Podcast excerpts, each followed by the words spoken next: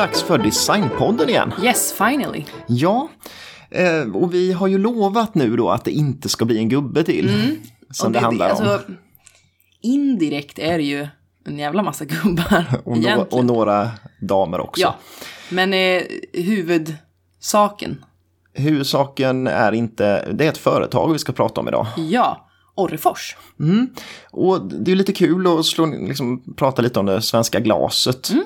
Och Orrefors känns ju som det här liksom, bästa företaget ändå, liksom, som har stått i, liksom, längst fram när det gäller Mm. Nej, konstglas i Sverige. Så Ska vi slänga ur oss det? Ja, vi säger det. ja, men jag tycker det. Ja, I agree. Ja, och um, vi kan säga det, vi, vi, lite berodde det väl på att vi hittade en, en riktigt bra bok mm, som heter Orrefors, ett svenskt glasbruk.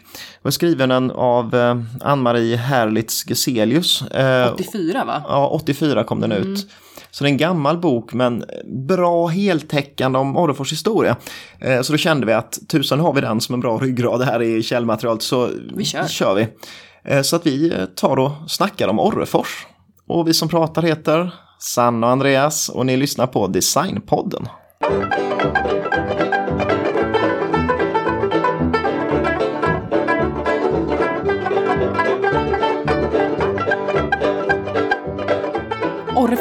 Mm. startades faktiskt redan 1726, eller ja, inte riktigt då, för det var inte ett glasbruk då. Men själva grunden Ja, lades till, till redan själva då. företaget då på något sätt. Ja, Precis, den 4 juni fick kornett Lars-Johan Silversparre anlägga ett järnbruk. Mhm. Där i Orranäs, som det faktiskt heter. ja. Glashanteringen började dock inte förrän mer än typ 100 år senare, 1898. Men ändå, de räknade ändå som att det ja att det, anlades bruk, 1726. bruket liksom startade då. Precis. Eh, järnbruket då hade haft jättemånga olika ägare och så som hade satt sin prägel på företaget. Mm. Eh, 1897 så köptes det av grosshandlare Johan August Samuelsson för 950 000 kronor läste jag, men det låter ju väldigt mycket, Det eller? låter, det låter ju jätte, det är ju typ en att alltså, miljon. då. ja, 1897, ja, det står det i boken alltså, men jag känner mig så här det- genast.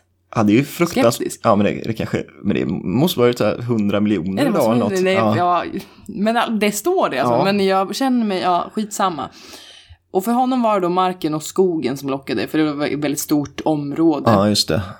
För avfallet Mm. från eh, sågbruk och skogen blev faktiskt startpunkten för glashanteringen. Ja, För de ville ha ett sätt att använda avfallet. ja, just det. Så då använde de det som bränsle i produktionen av glas. Mm. 98 då började en smärre glastillverkning. Det var väldigt enkla saker. Mm. Ja. Då fanns det 49 arbetare. Två var kvinnor, 19 var minderåriga, som var den billigaste arbetskraften. Det är barn liksom. Och resten var män då. Mm. Och det som tillverkades då var buteljer, småglas, lyktglas, eh, småburkar, Mm. medicinflaskor, lite sådana där saker som verkligen folk behövde. Och tydligen var en stor del av produktionen så här parfymflaskor och bläckhorn. Det var lite udda. Ja, men... Men tydligen. det är klart, ja, bläck och sånt som man haft mycket på den tiden. Så En att, parfym ja, parfym. i Småland. Ja, jo, ja. Men 1899 så såldes faktiskt hela 100 000 bläckhorn för två öre styck. ja, men det blir ju en slant ändå. 1913 så tillverkades också whiskyflaskor, kristallskålar, lite serviser för mellan 20-25 spänn Mm. ungefär. Och samma år så köptes Orrefors av Johan Ekman från Göteborg. Mhm. Och han köpte också bruket för skogens skull. Han hade en massa andra fabriker han behövde driva. Ja, just det, så han behövde egentligen ved. skogen och Ja. det andra var på köpet nästan. Men då fanns ju det här glasbruket redan och han visste inte vad han skulle göra med det men han ville inte lägga ner Nej. Liksom, något som var lönsamt. Nej, det är klart. Så en chef för hans andra fabriker fick ansvaret då för det här glasbruket. Och från början visste de ju ingenting om glas eller hur någonting gick till. Men han blev faktiskt snabbt intresserad och duktig. Mm. Och under den tiden så fanns det ju flera glasbruk i Småland. Jo. Och arbetarna gick ofta emellan. Jaha, så de jobbar på flera ställen? ja, Ja, de verkar så. Ja. De, de, hade, de spatserade runt. ja. Och Orrefors då hade självhushåll med massa hästar och kor och drängar. Så det var liksom, man bodde där och det var, Ja, det var som ett samhälle kring Precis. bruket då. eller bruken då eftersom att det fanns Flera, lite ja. flertal. Och 1918 så byggdes på ägarens initiativ ett Folkets hus till, till brukets folk så de kunde roa sig lite. Ett, tänk typ så här lite Emil i Lönneberga-feeling där det var så sprit och aktioner och slagsmål och verkligen som när Emil är på auktion där typ. Ja, men det blir ju lite som det här, ja men det är ju ett brukssamhälle i ordets rätta bemärkelse, liksom allting, allt kretsar kring företagen. Oh ja. Och även det sociala och alla måste ju känna alla och ja. Och sen när man var lite ledig då, då var det sprit. ja men antagligen var Ja, det det, det lär varit så ja. Det är någon egen blåst butelj eller whatever. Jag vet inte. men så var det i alla fall. Ja, Men eh, redan 1914 så ville faktiskt eh, ägaren Ekman ha en eh, konstnär till Orrefors. Så han vände sig till Svenska slöjdföreningen, Ja. som vi återkommer till, ja. och en Erik Wettergren för att få förslag på konstnärer. ja, som kunde rita glas till, till Orrefors då, ja. För ägaren och chefen är uppenbarligen olika saker, Ja, så jag precis, hoppas inte ja. ni blir confused. Nej, men- men Alin är alltså chefen som, han som gill, börjar snabbt gilla glas och blir duktig på det. Just det, just det. Ägaren, han gör väl säkert ingenting mer än att äga Kammar bara. hem pengarna. Precis, men i alla fall, chefen han läste Wahlströms förlagets 25-öres romaner och de hade Simon Gate illustrerat. Jaha, så det, ja, det Så är det ju... var, han såg det på någon liten tidning där, eller ja, en roman, Ja. whatever.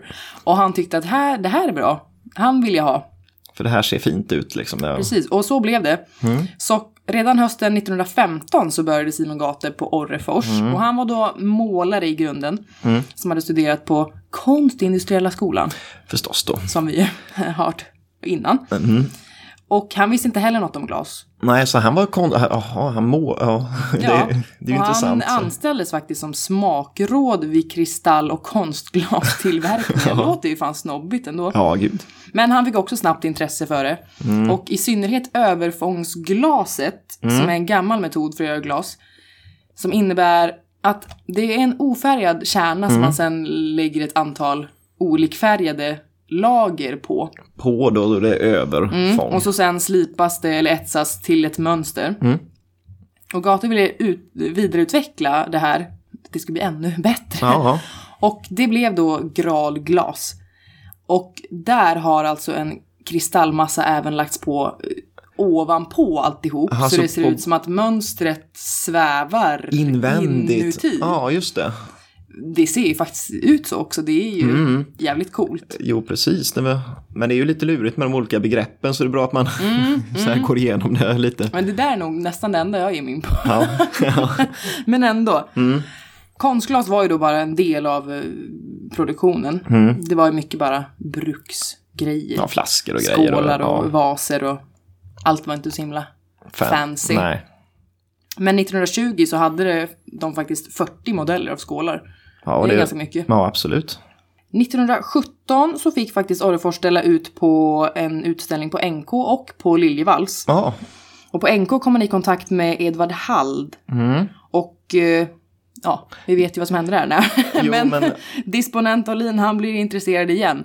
Han vill ha in lite mer modernare stil. ja, just det. Och då skulle Hall stå för det lite. Precis, och han var ju också målare. Mm. Född 83, samma år som Gate. Och han hade ju lite erfarenhet men ändå inte direkt Ja, mycket nej. av glas och glastillverkning heller. Men han har faktiskt studerat hos Matisse i Paris, vilket jag tyckte var lite spännande. Ja, det är ju kaxigt ändå. Mm, för det stod en liten kommentar i boken om att Matisse tydligen bara satte sin signatur på, på tavlor som han var, var nöjd med. Mm. Så att ja, jag börjar tänka på att saker och ting inte behöver vara som man tror. Nej, Och 1918 så köps Sandviks glasbruk av Orrefors. Mm. Så då är det ännu... Det blir ännu mer. just det, de köper och liksom Mm. Och lägger med. där tillverkas det lite enkla och vackra och lite festligare glas. Ägaren till Sandviks, Ja. Edvard Strömberg, fick faktiskt ta över chefsrollen för Orrefors också. Jaha, För ja. Olin, Alin Ville. slutar helt Mm. enkelt. Jag vet faktiskt inte varför. Så på något sätt kanske det var både då för att naturligtvis köpa dem men också få kunskap in i företaget då. Ja, precis. För jag Mm. vet inte om Anna Alin blev sparkad eller någonting. Det står att han, han slutar helt enkelt. Mm. Och 1919 så dör den här ägaren. Mm. Och hans dotters man Johannes Hellner eh, tar över istället. Okej.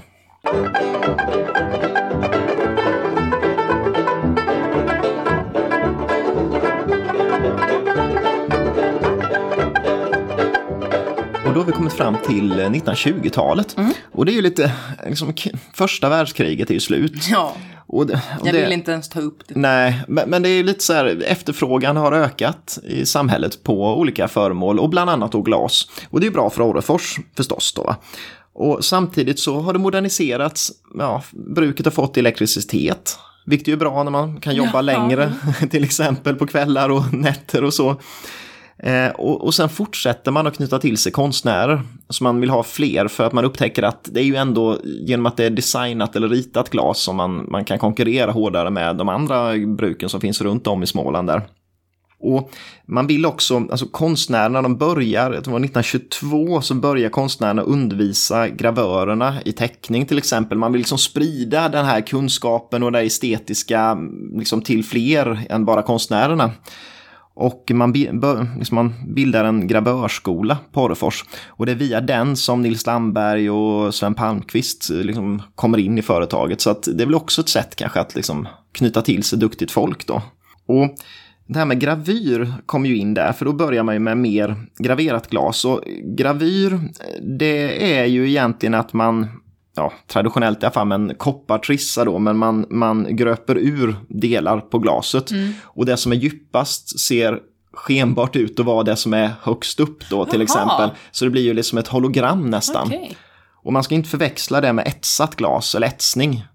Eh, för gravyren är ju liksom handgjort och konstnärligt medan eh, etsningen är mer att man syretsar vissa partier på ett glas för att lite mer ja, snabbt kunna få fram ett mönster. Men det, det ger ju inte samma, liksom den här effekten av tredimensionellt mönster som, som gravyren. Och det här graverade glaset det visades egentligen i stor skala första gången redan 1919 på en utställning i Stockholm. Men det blev populärt i så hedersgåvor. Man mm. Eh, gav så till jubilarer och mm. till alltså stat och kommun gav presenter. Men det är väl bra för ett företag? Mm, fruktansvärt bra och det var då det liksom som, som gjorde att det blev väldigt populärt med pokaler och vaser och sånt. Mm, det. Och det spreds utomlands också för att eh, bland annat så fick staden Paris mm en pokal av Stockholm ja. 1922. Okay. Som hette Parispokalen då va? och ritades av, av Simon Gate. Och gravyren tog 450 timmar att göra till den här, så att den är ju så här riktigt. Eh, och det är lite roligt för den blir sen eh, toppnumret på Parisutställningen 1925. Så att, ja. Men eh, det är en viktig grej för att visa att man verkligen kan där på Orrefors. Ja, för fan. Eh, och det här eh, graverade eh, glaset, det blir ju, det tas fram många olika mönster. Eh, Hall ritar sitt korgmönster 1921. Han ritar sin åskväderskål och fyrverkeriskål. Och det här är ju ganska så här, roliga föremål. Mm. Den fyrverkeriskålen kallas ibland raketskålen, men det är så här som fyrverkeripjäser som flyger upp. och Eh, åskskålen är ju förstås då åsk och så här, folk som, är det någon, är något, någon häst något som stegrar rädd ja, för blixten och sådär. Ja, nej men det är ju rätt spektakulära grejer. Och de blir ju himla populära för att jag menar, eh, jag tror både åskväderskålen och fyrverkeriskålen kommer sen att produceras under nästan hela 1900-talet där. Så att det är ju ja, storsäljare då från, från Orrefors. Men sen för att få komma ut med glaset då, då är ju utställningarna viktiga. Mm. Och vi har pratat om Göteborgsutställningen 1923 tidigare i andra sammanhang, men här är ju den utställningen väldigt viktig för Orrefors, för att det är, det är först där kanske som dels hela Sverige börjar upptäcka glaset från Orrefors, men också utomlands. Man ser att där, där gör man topp, toppklassigt glas. Och mm, det var ju mycket nyklassicism förstås. Eh, det passade väl rätt bra in i, liksom i andan med ja, mm, vad man gjorde generellt liksom, i konsthantverket. Mm. Men sen gjordes det också något som heter Slottsglaset. Okay. Eh, och det var liksom vad ska man säga, som skålar som såg ut som liksom blomformade skålar på hög fot. Och sen hade de som en vriden fot mm -hmm. och de var ganska mörka färger. Eh, och grejen var väl lite att ja, man gjorde tydligen, man kallade modellen efter bokstäver från A till eh, V. Så det gjordes 20, 22 olika modeller och de visades upp där. Och tanken var att det skulle göras 30 av varje. Eh, men det gjorde man inte utan i regel bara kanske max 15 av dem. Så att de är ju rätt ovanliga. Idag är de eftertraktade på grund av att det är så himla limiterat då. Mm. Men på Göteborgsutställningen, det var ju inte bara det här, precis som du var inne på innan, att det var inte bara konstglaset som var populärt, utan det var det här bruksföremålen. Och särskilt det här ifrån Sandvik, de serviserna mm. som både Hall och Gata hade ritat dit, blev extremt uppmärksammade och fick mycket beröm i, i pressen. Men sen kommer vi då till Parisutställningen 1925. Ja. Och som jag sa innan, där, den här pokalen eh, som, som staden Paris hade fått av Stockholm, då, den, den var ett sånt här masterpiece som verkligen ja. jätteuppmärksammad. Och allt det här slipade glaset och, och det här, det fick extremt bra bemötande i pressen. Ja, så. Då, så att eh, Simon Gata och eh, Edvard Hald fick Grand Prix på utställningen, men Nej. även Orrefors fick Grand Prix som enda glasbruk, vilket naturligtvis var himla bra. Och så var det flera av gravörerna som fick guldmedalj och det var verkligen så här triumf, triumftåg och det var väl naturligtvis jättebra för att ja, nå ut i världen med, mm. med sitt glas. Men eh, året efter eh, Parisutställningen, 1926, då var det ju då dags för Orrefors att fira sitt 200-årsjubileum. Ja, precis. För att de räknade, ja, de räknade efter det och det var just den 4 juni mm, ja. 1926 då som det här skulle gå av stapeln. Mm.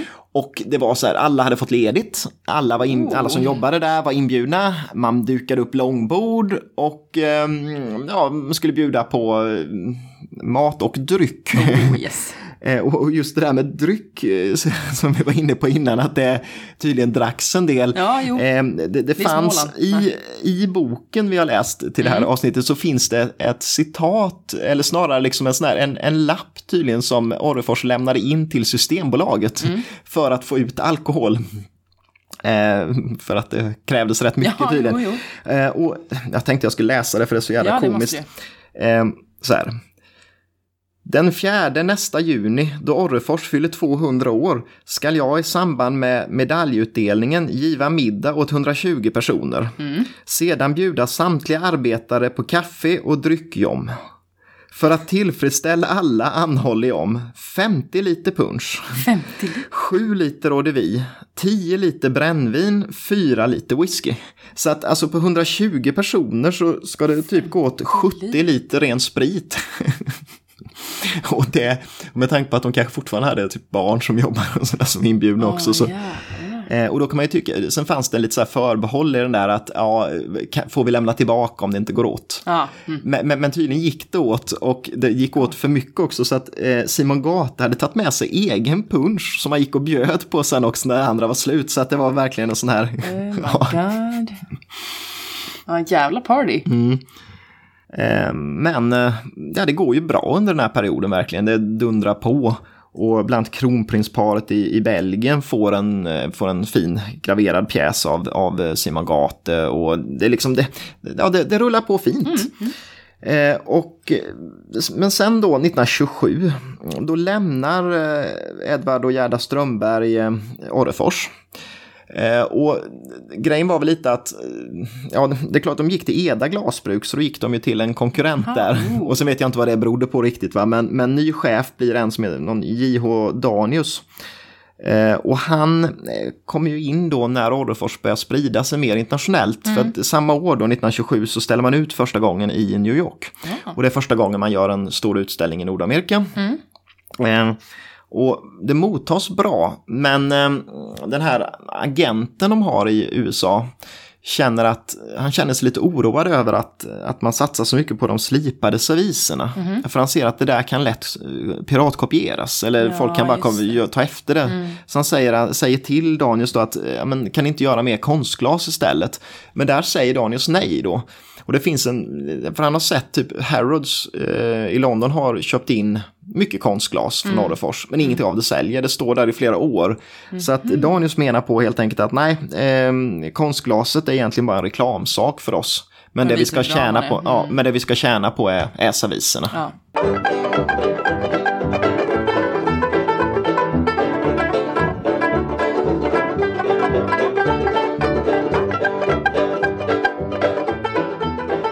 Vi till 30-talet då. Mm. Och företaget hade en stor nedgång från 29 till 35 ungefär. Okay. Med mycket avbeställningar och reapriser. Känns ju inte så ekonomiskt bra. Mm, vem vet om det var den här Danius fel? Han skulle satsat på konstglaset istället. Men till Stockholmsutställningen i alla fall så gjordes stora kraftansträngningar och bruket, de skulle fan göra sitt bästa till det. Så, och det, det lyckades bra. Okej, de ja. blev eh, väldigt hyllade igen, vilket de ju tydligen brukar bli på när de väl... Ja, men det känns ju hela tiden som att kritikerkåren liksom är... Bland annat så visas Halls stjärnhimmelglob och skålar i pressad kristallmassa av gate. Och den nya konstnären Vicky Lindstrands målade glas. Just det. Så det, det går ju hem alltså. Ja. Lindstrand började på Orrefors 28 redan och han var också skicklig illustratör. Och inom några år så ansågs han lika skicklig som Gate och Halt.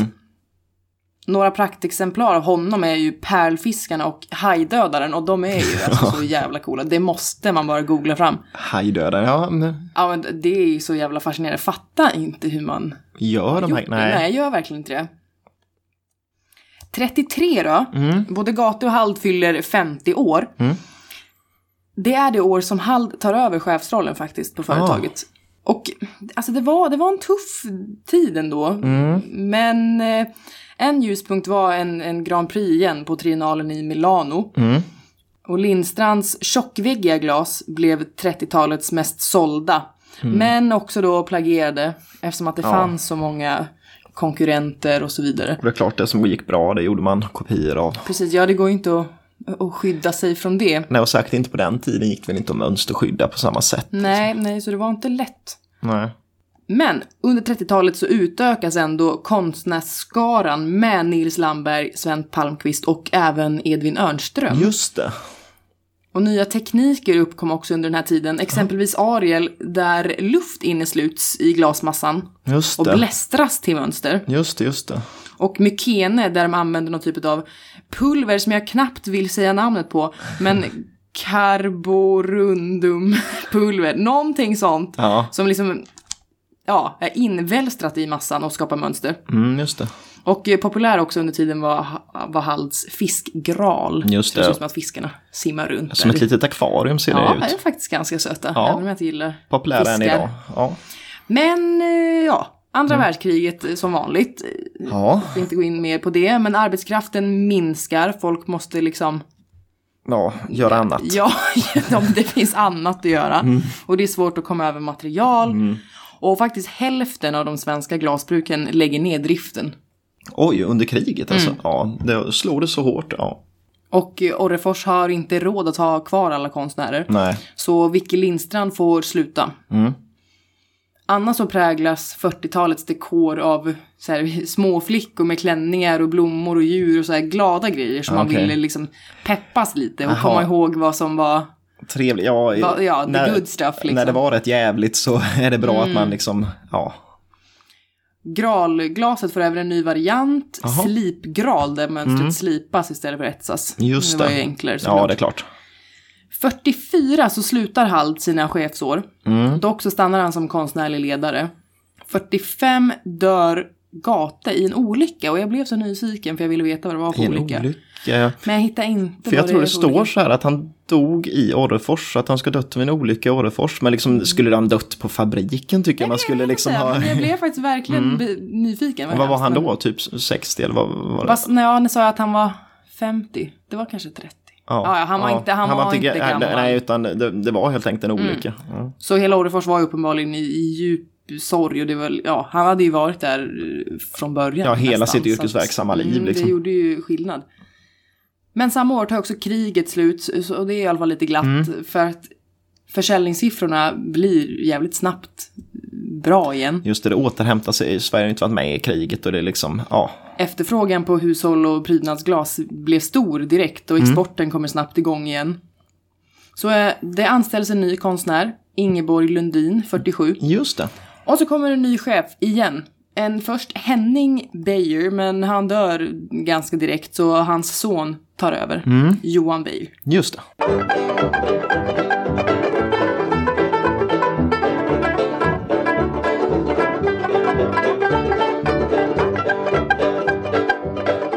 Och Jag tänkte att under liksom det här med 50-talet, det, det är ju precis som vi har sagt tidigare, hård konkurrens när det gäller glaset. För jag menar, Småland är ju tätt av glasbruk fortfarande. Även Och att, annat verkar det som. Ja, men även att många glasbruk har fått lägga ner finns det ju mängder kvar verkligen. Mm. Vicke Lindstrand har börjat göra glas igen på Kosta då. Mm, just det. Eh, och, för han höll på med ja, lite annat, keramik och så ju emellanåt där. Mm. Erik Höglund gör liksom så här modernt glas på Boda glasbruk. Och sen Strömbergshyttan, Reimyr, eh, alltså det är mängder. Mycket. Mm. Eh, Så att eh, givetvis så, så är konkurrensen hård, men Orrefors står sig bra i den här konkurrensen. Och, och det är ju vissa objekt som är så här, verkligen topp och, och som, eh, som vinner. Eh, och och det är ju Ingeborg Lundin då, eh, som hon har gjort någon karaff bland annat med så svävande paraplyer på som blev Ja, väldigt populär. Ja. Mm. Eh, och så gör hon sitt äpple då. Och det tror jag alla har sett eh, någon gång. Det är ju en, som ett stort äpple helt enkelt, Mm. Ja. Mm. blåst i glas. Eh, finns lite olika färger och, och former då naturligtvis eftersom det är helt handgjort. Men ja, populärt. Och sen Nils Landberg då. Mm. Eh, och han, eh, han är ju mest känd ska jag säga för tulpanglaset. Ja, det skulle jag säga. Eh, och tulpanglaset är ju lite glasets svar på eh, Eero Saarinens möbler egentligen. på något sätt. Jo men det med tulpanfoten Ja, du menar så. liksom. Ja, Eh, ja, för har man ja. inte sett det, är ju liksom eh, ett glas där eh, liksom, som är väldigt klockat eller väldigt Mm, så. Eh, och, och det är gjort i underfång eh, egentligen. Ja, Även att det bara är det då? Jag lärde ut om överfång. Ja, men underfång är tvärtom helt enkelt. Det vill säga att, att eh, färga, Jaha, färgade skicken, skikten mitt- ligger under då. eh, Så, här, så att det ligger ett, ett transparent glasskikt över de färgade skikten. Men när gör man då mönstret? Eh, här, ja, man kan göra det invändigt, men, men i det här fallet Ja, så um, gör man ju inte det, utan man blåser ut, eh, man blåser glaset så att det blir väldigt, liksom så här, färgerna blir väldigt milda för de blir väldigt tunna de här ja, lagren. Men man ser glasen är liksom som lätt tonade i olika färger. Och det som var lurigt med de där tulpanglasen var att ibland, ibland kunde de ju vara så typ en meter höga. Och det måste ju satt extremt hård press på glasblåsarna Ja, att kunna göra det där utan att, för det ska vara tunt glas och rätt form. Jag fattar inte hur de gör, men det är ju Nej, en annan sak. Men sen ett, ett glas som också, om vi pratar 50-tal, eh, som, som man förknippar Orrefors med mer och som är då ett massproducerat glas på ett annat sätt, det är ju Fugaskålarna. Eh, Och de blir ju mer liksom, ett, liksom en vardagsskål eller så. Och de tog sin början egentligen långt tidigare, för redan 1934 som Sven Palmqvist började experimentera med. Han tänkte man skulle kunna centrifugera eh, ut Jaha. glasmassan i en Ja. järnform. Så att om man centrifugerar ut den så fyller den formen bra då. Eh, Och han håller på länge med det där, men jag tror inte att han har så mycket gehör för det egentligen.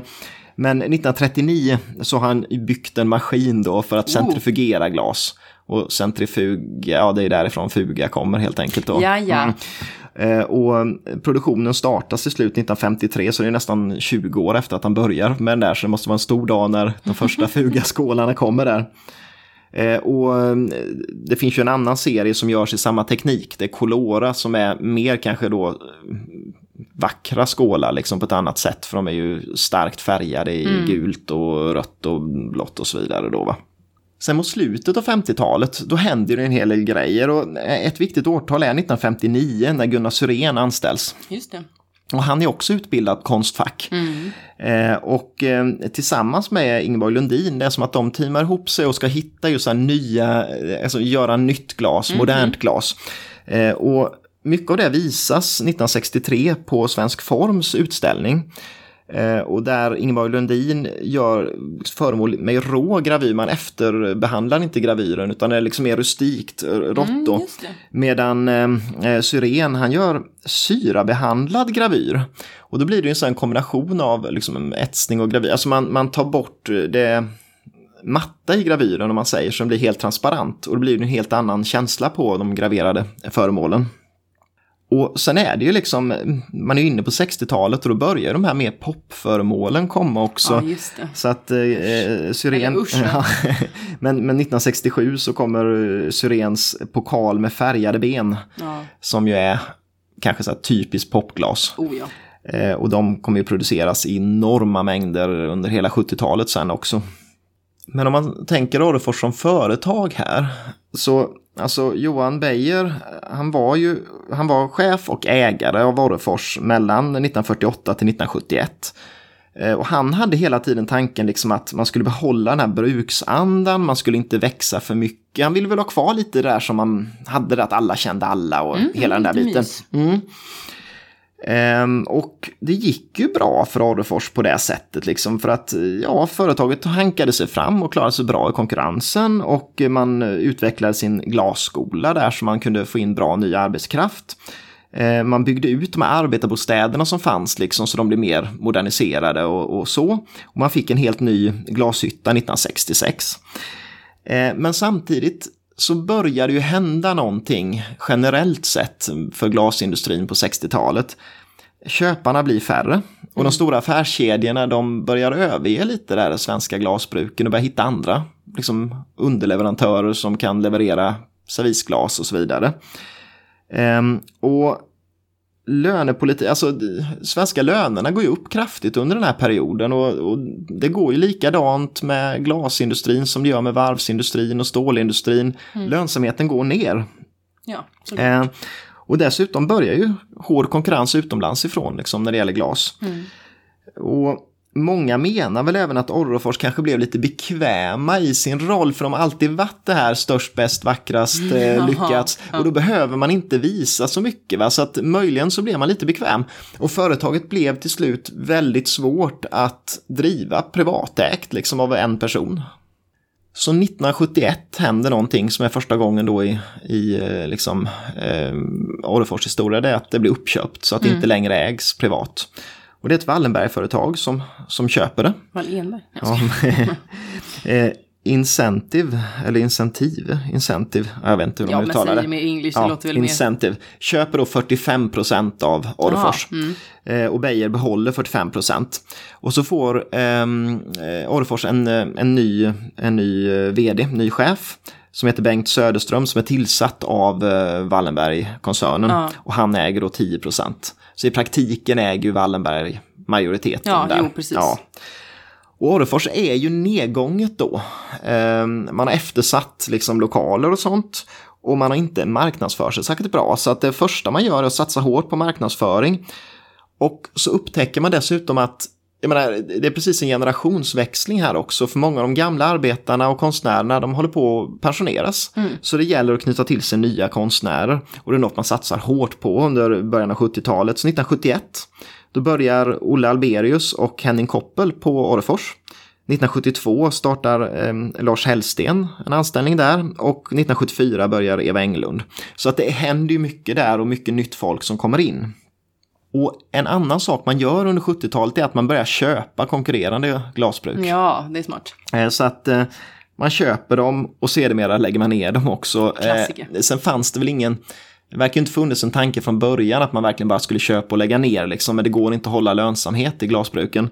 Så man köper Alsterfors glasbruk 1971 och det lägger man ner 1980. Man köper Flygsfors 1975 mm, och lägger ner den 1979 redan. Man köper Strömbergshyttan 1976 eh, och lägger ner den 1979.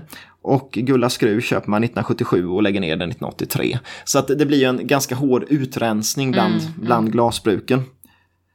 Och sen då 1976, då väljer Beijer att lämna. Eh, han vill väl liksom inte kämpa vidare med det där. Och eh, Incentive kommer då vara ägare av 90 av, av företaget. Mm. Och resten ägs då av deras, deras ja, jo, eh, chef. Då. Hundar, liksom. Mm. Men det finns hela tiden en rädsla, va? för man ser ju säkert i, kring Orrefors att lönsamheten är inte jättegod och frågan är hur länge Wallenberg-koncernen vill driva det vidare. Mm. Och eh, eh, 1978 så händer då det som man har fruktat där på företaget. Man blir uppköpta. Oh. Eh, och eh, det är eh, Uppsala Ekeby som köper Orrefors. Och Uppsala Ekeby äger bland annat Kosta Boda. Nej. Och där är ett problem, för där är man ju rädd redan nu att nu försvinner fabriken och man oh, kommer börja tillverka våra modeller där och sen så är det så det blir. Och det var tydligen en så här total upprorsstämning och folk, det var så här, liksom folk helt totalt knäckta. Men sen blir det inte riktigt så som man hade tänkt sig för de äger bara Orrefors i några månader. Sen är det något som inte riktigt går i lås där med den affären. Jaha. Så att Incentive köper tillbaks hela Orrefors direkt samma år. Va? Och det som då i praktiken har hänt är ju att Bengt Söderström är inte kvar längre för att han slutade ju förstås som, som vd när, när de tog över. Mm. Så att nu, nu äger Incentive 100% av, av Orrefors. Och sen hade jag inte tänkt att vi skulle fokusera så mycket på modern historia egentligen. För att det känns Nej, som att... det Eh, men det kan vara intressant att veta just i och med att Orrefors inte finns kvar längre. Eh, Så lite vad, vad hände egentligen med Orrefors? Mm, ja, ja. Eh, och, och det är, man kan säga att 1990 så köps Orrefors av eh, en, liksom en koncern då som kallas Orrefors Kosta Boda AB. Jaha, oh vad hemskt. Ja, och de bestod av bland annat då Kosta, Orrefors, Boda och eh, Åfors, Sea, Sandvik och Johansfors. Så att det var ju alla de här glasbruken Ja, ja, ja. ingick. Men sen började det droppa av där lite för att det är, Johansfors säljs tillbaka i och för sig till anställda 1994. Men sen Boda glasbruk läggs ner 2003 och Sandvik läggs ner 2004. Och jag tror att många på Orrefors hade väl på känn vad som kommer hända här. Och det man hade fruktat och det man fruktade redan på 70-talet, men, men det hände ju sen då. Så att den 12, eh, när den 2 oktober 2012 så går man ut med pressmeddelande där de meddelar att både Orrefors och Åfors ska läggas ner. Eh, och det gör man 12 juli 2013 så stänger man fabriken i Orrefors och alla 130 anställda får sparken. Vad deppigt. Ja, det är deppigt och eh, liksom, eh, varumärket finns ju kvar. Så att man kan ju tro att man köper något från Orrefors när det står Orrefors på, men det gör man ju inte. Utan den produktionen, eh, det görs i viss mån på Kosta, men också mycket utomlands. Liksom, Så att man ja, producerar vissa saker med varumärket Orrefors, men ja, glasbruket är ju nedlagt. Och det finns ju inte många glasbruk kvar egentligen i, i Småland längre Eller i Sverige. överhuvudtaget. Nej, tyvärr. Och det var en liten säga, en sammanfattning av eh, Orrefors historia. Det säger du varje gång. Det var en sammanfattning. Ja, och jag tycker att det är alltid kul att Alltså jag hade ingen koll på det här med att det var så otroligt gammalt, även att det Nej, har varit ett järnbruk gud. innan och allt det här liksom. Men, Nej, men absolut ingen koll. Men jag har inte koll på, på liksom olika glas och ja. jag är jätteintrigued på att se lite glastillverkning. ja, det ju... Det känns så jävla avancerat. För jag tycker på något sätt, alltså jag, jag får panik när man ser, man kan ju gå in på YouTube och sitta och titta på så här Ah, folk som blåser, ja. blåser glas. Och jag fattar inte hur de formar dem liksom. nej, det är sjukt. nej. Jag, jag förstår ingenting. Och det som är ännu mer tragiskt där är ju givetvis när glasbruken försvinner så försvinner kunskapen att blåsa glas. och, och snart finns det ju ingen som kan det längre. Så att det är jag, ju... måste, jag måste veta. Jag måste, lära, jag måste lära ut. Nej. Och så är det väl någonting som är lite just det här fascinerande med att jobba med en massa som är jävligt varm.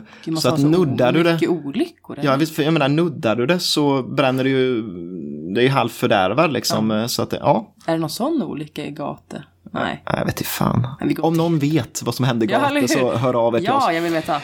Ja, men nu tänkte jag att vi, vi går in lite på eh, märkningarna på Mm, jättegärna. Arefors.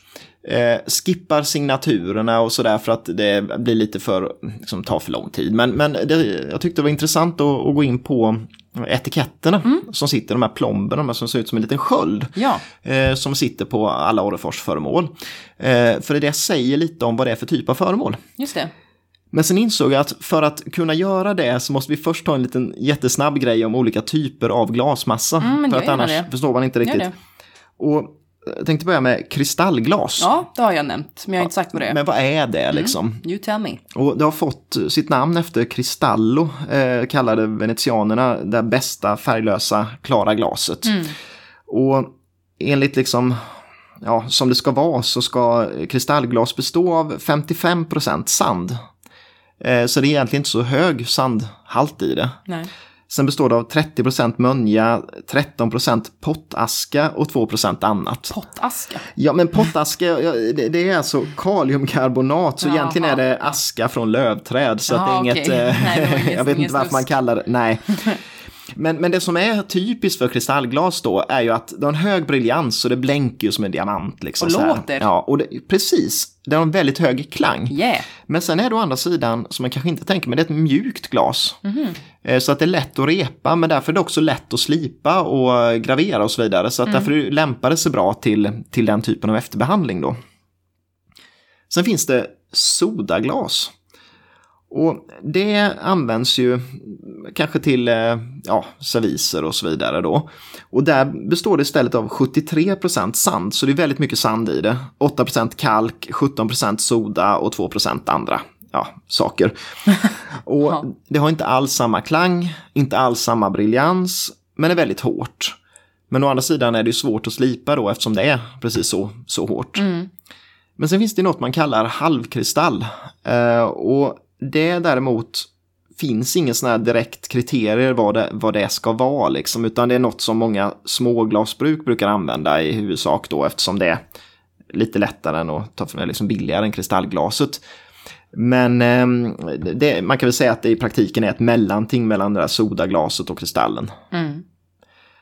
Och orsaken till att det här är liksom viktigt då, det är för de här märkningarna. Ja, För från 20-talet fram till någon gång på sent 50-tal eh, så använder eh, Orreforsen en etikett som består av en lagerkrans och i den finns det en, en smal orre.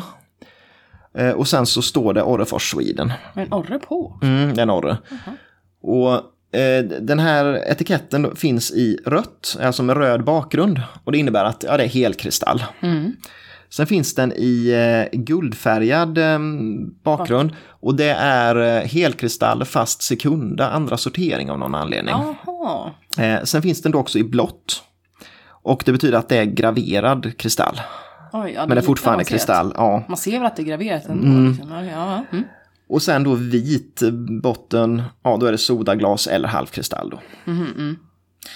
Men sen, 19, om, ungefär 1960, jag vet inte om, men det bör vara ungefär 60, jag fick inte exakt något årtal, men då ändras etiketten. Och så då försvinner eh, lagerkransen. Och istället blir det en fet orre. Så här. Ja. Och så står det Orrefors Sweden.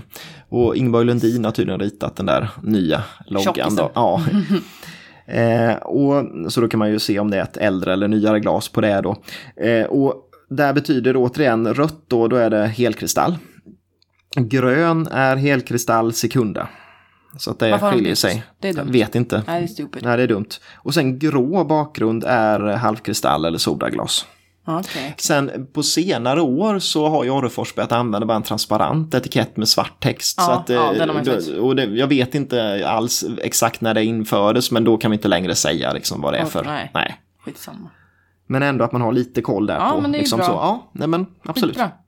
Så måste vi som alltid gå in på lite klubbslag. Mm. Jag har inte jättemånga. Det var ju så himla svårt att liksom välja vilka jag skulle kolla upp. Ja, det och det finns så mycket. Och... Jag har jättemånga konstnärer Mm. som, ja, Men vi tar ju de mest klassiska, Mm. även om det är lite fjolligt. Men det gör vi. Simon Gate i alla fall den första. ja, Den första, det lät som att han heter Simon Gate den första. Det... nej jag inte det. Jag gillar ju att ta de högsta klubbslagen. Mm, men det är ju roligast också. Det är ju roligt. Ja. Och det högsta jag hittade av honom, det var på en kvadratisk vas Mm. som såld på Christie's i London. För 270 000.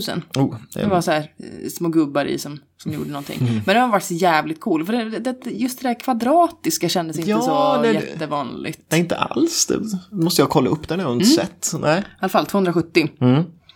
Edvard Hall då. Flickor som spelar boll. Mm. En vas. Okej, ja. Det är precis vad det låter som. Det är flickor som spelar boll Ja. i dekoren. Ja. Också såld på Christie's för 415 000. Det är ju, ja, fy fan, ja, det är ju Det är uppåt en halv miljon Ja, där. Ja. det, ja, den är fin alltså, men det, är- det är sjukliga pengar. Mm. Nils Landberg då. Det är ju tulpanvaser igen. Mm, det är klart. Som är the shit. Dock sju stycken i det här fallet som såldes i, på Sotheby's i USA. Mm. För 120 000. Olika storlekar och färger på dem. De blir så jävla fina i en liten grupp så att det är Ja, klart det ser ut som en mm. liten, en liten, vad heter det? Bukett. Ja, nej, det gör det. Tul bukett tulpaner där. Ja. Ingeborg Lundin då, Mm. som har gjort väldigt mycket schyssta grejer. Ja. Men tydligen är en timglasvas Mm. väldigt poppis. För här gick, eller här, på Christie's i London igen, Ja. gick sex stycken för 220 000. Och så Gunnar Syrén måste vi också ta upp. Han har inte alls samma prisbild som de Nej. andra. Av någon anledning. Mm, och lite annan karaktär på grejerna. Ja, det, det är det. Men det högsta jag hittade, det betyder inte att det, att det är det högsta. Nej, Min men- research är inte alltid den, den bästa. Det är i alla fall någon typ av skulptur. Mm. Som heter Tempel med sittande jaguar som såldes på Stockholms Auktionsverk. För 55 000. Så det är ju inte alls samma... Och det är också vad det låter som. Det är, Ja, det, är en jaguar. Och, ja, Jag vet inte vad det är, för den är väldigt konstig om man jämför med, det andra. Ja. med det andra. Men man kan ju kolla upp det om man vill. Ja. Men ja, det är vad det låter som. Det var konstigt att kalla den för det om det inte var det. ja, det är lite Det var komiskt. något helt annat. Men det här är ju då de högsta. Sen är det ju uppenbarligen oftast mycket lägre Ja. klubbslag på alla dessa. Jo, det är klart. Och, och just mycket så här vardagliga föremål och sånt också. Mm, men det här äpplet av Ingeborg Lundin exempelvis brukar gå mellan 15 och 25, vilket ju ändå är mycket pengar. Men det är ju också ett jävla hantverk. Precis, och där beror det väl lite på, tycker jag, Alltså ofta är det ju det här, det som ser väldigt mycket ut som ett äpple och är i gröna toner kostar mer. Och sen finns det ju en del klarglasvarianter Jag tror att den och är lite små som är... ljusblåaktig och det är ju Ja. inte något äpple liksom. Nej, inte... så att eh, ett bra äpple kostar ju bra pengar. Men sen de här som är lite ja, enklare kan man nog få rätt billigt. Men... Mm. Och Gunnar Syrén har ju en Nobelservis som man ser relativt ofta. Mm. Där, jag orkar bara ta upp ett exempel, men jag hittade i alla fall för 59 delar 10 000. Mm. Men då är det ju många delar. Ja. Nils Landberg då, en tulpanvas tänkte jag. ja, bara för att ta ett exempel. Ja. Brukar vara runt 8-10 men allting beror på storlek och, och så vidare. Och att det är signerat eh, Ja, så första det kan sortering och absolut sådär. vara mer också. Eller mindre. Mm. Men de känns ju så jävla ömtåliga så att eh, det är klart mycket måste gått sönder genom Ja, årens vi lopp. hade en på jobbet för ett tag sedan. Jag var så rädd att ta i den. Ja, det, är så, det bryts foten av sig. Ja, fy fan. Edvard Halds fiskgral är också, inte jättedyr, men runt 4-5. Ja, och den dyker upp jätteofta. Men den eh, gör ju det, så att ofta, ofta går den ju också under det. Ja, Det beror ju lite på, men, beror väl också, det finns väl jättemycket olika storlekar Ja, och varianter. färger Ja. men som sagt. Och ibland är den utan fisk. Jag såg någon med bara sjögräs i. Lite, Nej. jo, eh, det var som han har gjort något bara, han skulle vara lite skojig. Ja, jag vet inte. Det var, det var den, fast eh, med Eller så bara hade den sjögräs. även simmat ut. Ja, det kan den ha gjort också genom åren. Ja. Simon Gate tänker jag inte ens gå in på, för det var, så, det var så sjukligt blandat. Jag hittade ingenting som var mer sett än något annat. Eller, Nej. Det var verkligen från 500 spänn upp till, ja det där, och 270 000. Ja. Så att, nej. Men jag kan tänka att mycket beror det på, för man säger Oscarsskålarna och, och det här, det måste ju bero jättemycket på hur gamla de är. Mm. Eh, för man vill ju ha en tidig och inte en som är tillverkad 1981. för, för det blir inte samma grej riktigt. Nej. Men 81 då var han ju död. Ja, men den fortsatte att produceras faktiskt eh, Ja, hela men tiden. man vill ju inte ha något som är... Nej, det är det jag tänker. Liksom, att man vill... död, nej. Exakt. Nej, det är inom 45 som gäller. Japp. Ja, vi hoppas att ni har lärt er lite mer om Orrefors. Vi har lärt oss ganska mycket mer om Orrefors eh, genom det här. Och man är ju jävligt sugen på att kolla mer liksom, på olika föremål och Mm. Oh, ja. såna här grejer. Jag kommer börja samla på allt som vi pratar om. För jag känner att jag blir så liksom intrigued och imponerad av allting. Och man, allt är ju mycket roligare när man vet bakgrunden kring det. Det är ju det. När man, och när man förstår hantverket och den tid som folk har lagt ner. Det är sjukt tycker jag. Ja, och hur många som är inblandade för att kunna producera. Ja, det är jättefascinerande. Ja, cred. Och så vill vi tacka, eh, liksom tacka på, passa på att, att eh, tacka nu för det har kommit in många olika tips faktiskt Ja, på tips. Mm. nya ämnen. Ehm, och eh, det har vi tagit till oss och det är lite kul för vissa av de här tipsen är sådana faktiskt vi har tänkt eh, Ja, oh själva ja, oh sedan ja. tidigare så att eh, då, då känner vi att det kör vi på. Mm. Så att vi håller på nu som bäst och planerar höstens eh, eh, kommande avsnitt. Göra vår research. Ja, Och nästa gång blir det faktiskt ett besök till ett land vi inte har besökt tidigare. Nej. Så det blir lite kul. ja, då blir det något lite annat kanske. Kanske. Ja. Eh, Och så länge vill ni oss någonting så är det bara att eh, till exempel och eh, skicka ett mejl till oss. Designpodden gmail.com. Och så går det bra att skicka meddelande eller skriva kommentarer eller följa oss på Instagram och Facebook. Oh ja. Heter vi Designpodden så att gör det. Och så, så hoppas vi att vi hörs nästa vecka igen. Ja, tack. Tackar.